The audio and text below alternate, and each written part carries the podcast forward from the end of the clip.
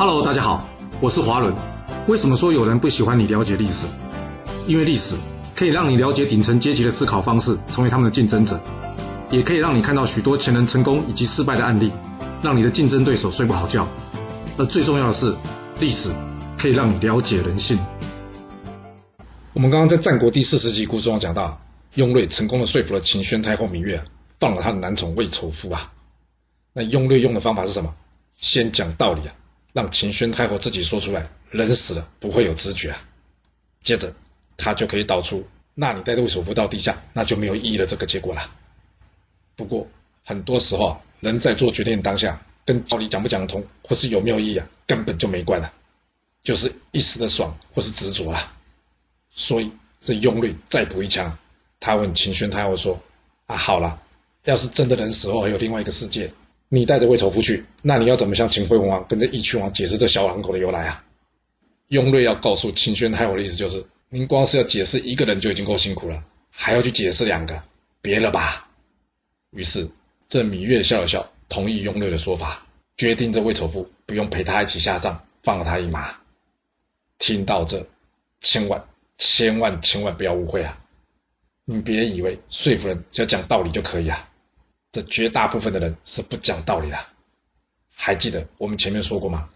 通常人决策的方式有四种啊，想用道理去说服人呢，这只对专家型有用啊，对支配型、资源型或者梦想型啊，这种说法基本上是不会起作用的。不过很可惜，因为历史故事中大多只记录下的事，而对于参与这件事的人呢，他个人的描述通常不够深刻，除了用一些其他的事迹或者他说过的话来判断以外啊。你很难从里面判断对方是哪一类型的人啊，所以要是你误会这样的技巧可以用在所有人身上，那就可能常常会有吃亏的状况了。不过这些沟通的方式也不是说没有用，重点在于你在说话之前你的准备功夫做了多少。以今天的故事为例吧，要如何从这蛛丝马迹中了解这秦宣太后芈月是哪种类型的人呢？按理说。芈月一直大权在握，应该是支配型的人吧？那为什么雍瑞跟他讲道理会成功呢？仔细想一想哦，秦宣太后真的是支配型的人吗？历史上有告诉你他如何指挥秦昭襄王办事吗？好像没有，对不对？不过倒是有一件事，那就是他拿他自己当饵，将这义渠王引来这秦国，然后在甘泉宫杀掉这义渠王，这不是等于承认自己的错误吗？并且理性的做出一个对秦国有利的决定嘛？就从这点可以看出啊，芈月的骨子里啊不是支配型的人，因为支配型的人啊通常是不到黄河心不死啊，也就是除非他儿子秦昭襄王拿着这义渠王的人头来跟他说：“妈，你忘了这个人吧。”要不然要他自己动手杀这义渠王，那不是等于承认自己犯错吗？这不是支配型的人会做的事啊。是不是常常觉得有些人有理说不清啊？这是当然的啦，因为每个人对道理啊是有不一样的标准的。要是没有处在一定的沟通平台啊，要跟人沟通其实并不容易的。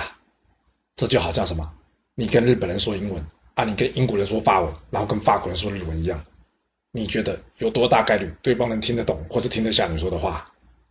要是大家有兴趣啊，改天我再来特别说明如何区分支配型、专家型、资源型还有梦想型这件事。这个区分方式啊，在我之前应付工作的时候啊，确实产生了很大的帮助。当然了，没有什么方法是百分之百的。你只要看苏秦、张仪这么能说，也不是什么人他都能沟通就可以知道了。这沟通的不但是技术，还有点艺术成分呢。啊，不过要先说好了，这改天我也不知道是改哪一天，因为啊，我在写这战国故事稿啊，已经写到快昏倒了。虽然这故事啊断断续续我都听过。但是啊，要依照时间顺序整合起来啊，实在是给他无言以对啊。加上这《史记》《战国策》《资治通鉴》等，对这段历史的描述啊，有时候差距实在是很大哎，不知道哪段才是正确的。所以啊，整理这些资料时候真是有够烧脑的。但不管怎么说啦，他们留下这些史料，已经算是非常值得敬佩以及感恩的啦。要不然，我现在就没有题材可以讲故事了，您说是吧？若是您有其他的想法，也欢迎留言分享您的看法给大家哦。好了，我们今天就先说到这。若是你想要知道完整版的故事内容，欢迎您可以到说明栏中找到我爱故事频道的连结。要是你喜欢这个频道，还要麻烦您动动你的手指，点赞、订阅、追踪，或是给我五星评价的支持，以及留言分享哦。谢谢您来收听，我们下次再见。